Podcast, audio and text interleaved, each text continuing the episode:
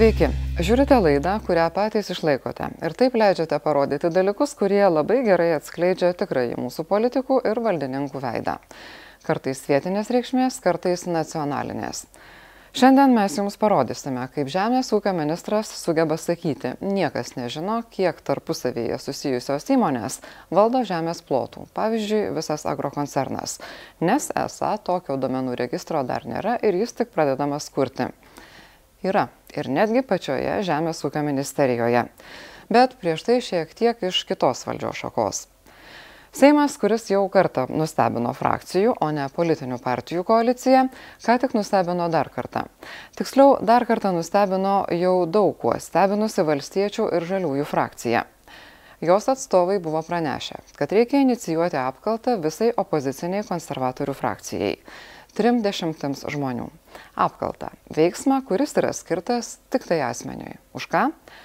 Už tai, kad susitarė vieningai balsuoti, kad Seime neliktų valstybei priestaiką sulaužiusio Mindaugo Bašio. Tai mes čia greitosiomis primetėm, kad už tokius vieningus frakcijos susitarimus grėsia apkalta pačiai valdančiai frakcijai. Imkim susitarimą, ha, su konservatoriais. Mainais už paramą miškų reformai paremti šildymo lengvatą. Arba vieningą pačios frakcijos nusiteikimą palaikyti premjero kandidatūrą. Apkaltos patiems savo LVŽS nesiūlo, nebesiūlo ir opozicijai. Užtat beveik pusė valdančiosios frakcijos nutarė svarstyti siūlymą sudaryti komisiją, kuri tirtų stambiųjų žemvaldžių dominavimą šalies žemės ūkija. Stambiausias žemvaldys, kaip ir jo ministras, sako, kad duomenų, kiek žemės telkiama susijusiose rankose, niekas neturi ne pats žemvaldys. Kiek jūs turite Aš, žemės apskritai? Galit kas nors kitą? Dalinės nusavybės, jūs... visokiom kitom nusavybės formom. Negaliu dabar atsakyti šitą klausimą, neatsimenu tiksliai. O kiek su jumis susijusios įmonės gauna ES paramos kiekvienais metais? Negaliu pasakyti šito dalyko, reikia skaičiuoti, kiekviena įmonė gauna. Ne, jau tai, kas... jūs nesate suskaičiavęs. Aš? Ne, nesu mes neturim galimybės gauti tokios informacijos, kiek valdo agrokoncernas, kiek agrovilas, kiek, kiek, kiek, kiek kitos įmonės. Čia, čia taip pat yra problema. Tai šiandien aišku, aš pasakyti, kokią įmonę, kiek to žemės valdo, negaliu. Ponai, netiesa. Duomenis renka ir sistemina. Taigi tik įsakius gali bet kam pateikti atskira speciali ir tam skirta įmonė. Ta įmonė vadinasi Žemės ūkio informacijos ir kaimo verslo centras. Centras turi pustrečio šimto darbuotojų ir kasmet mokesčių mokėtojams kainuoja apie pusšešto milijono eurų. Dalis valstiečių žaliųjų balsavo už komisiją tirti padėtį žemės ūkyje, bet viena įtakingiausių partijos narių Agnė Širinskinė siūlo išbraukti viską, dėl ko sudaroma ta komisija. Netirti nieko, visiškai nieko, kas susijęs su Ramūnu Karbauskiu. Šis mūsų tyrimas dėl to tampa dar svarbesnis.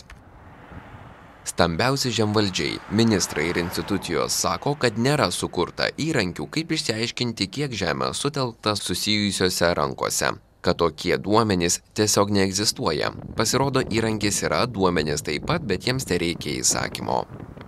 Štai ši valstybinė įmonė Žemės ūkio informacijos ir kaimo verslo centras renka ir analizuoja visus duomenys susijusius su ūkininkais ir žeme. Iš viso administruoja šešis registrus, du iš jų - ūkininkų ir žemės valdų. Pirminį tokį darbą atlieka žemės ūkio skyriai rajonuose.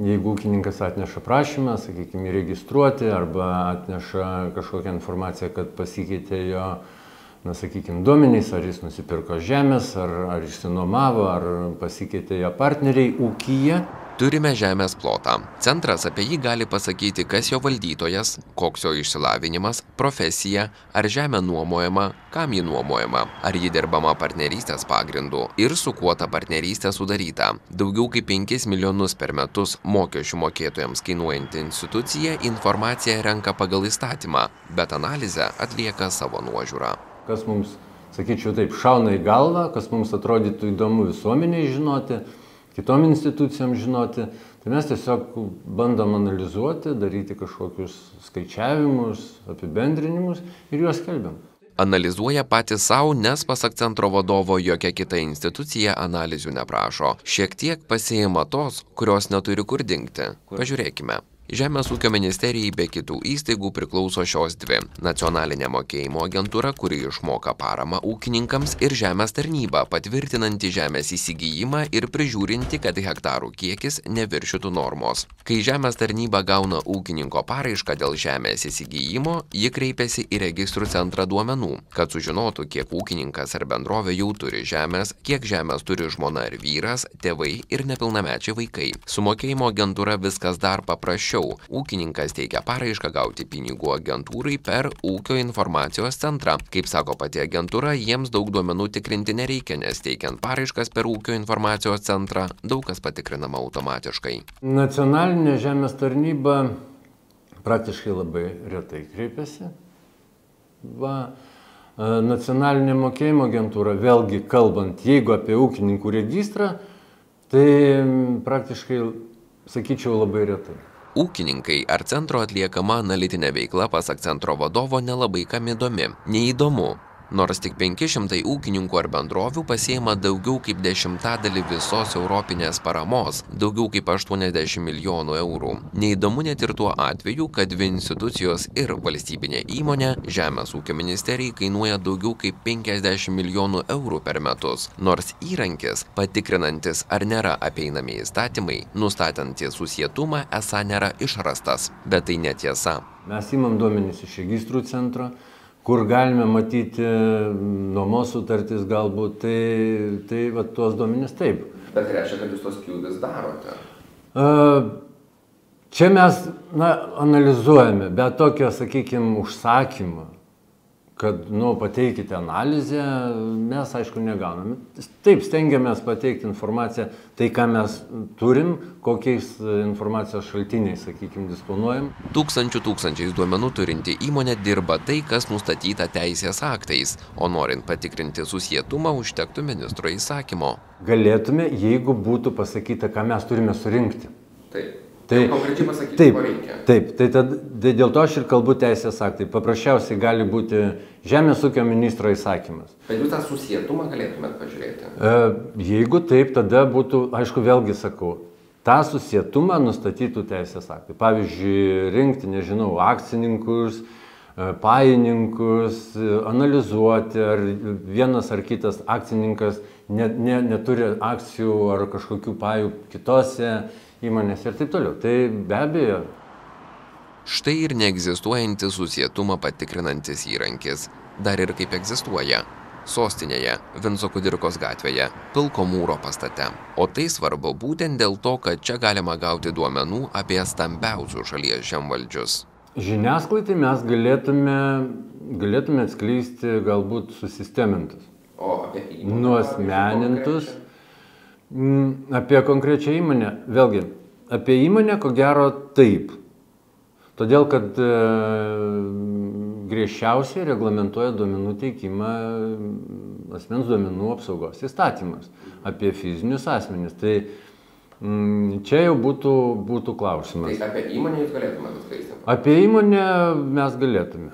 Tai aš galiu dabar iš jūsų pavyzdžiui paprašyti atskleisti mums duomenis apie kiek žemės turi kiek nuomoja ir kiek per partnerystės sutartis dirba žemės agrokoncernas.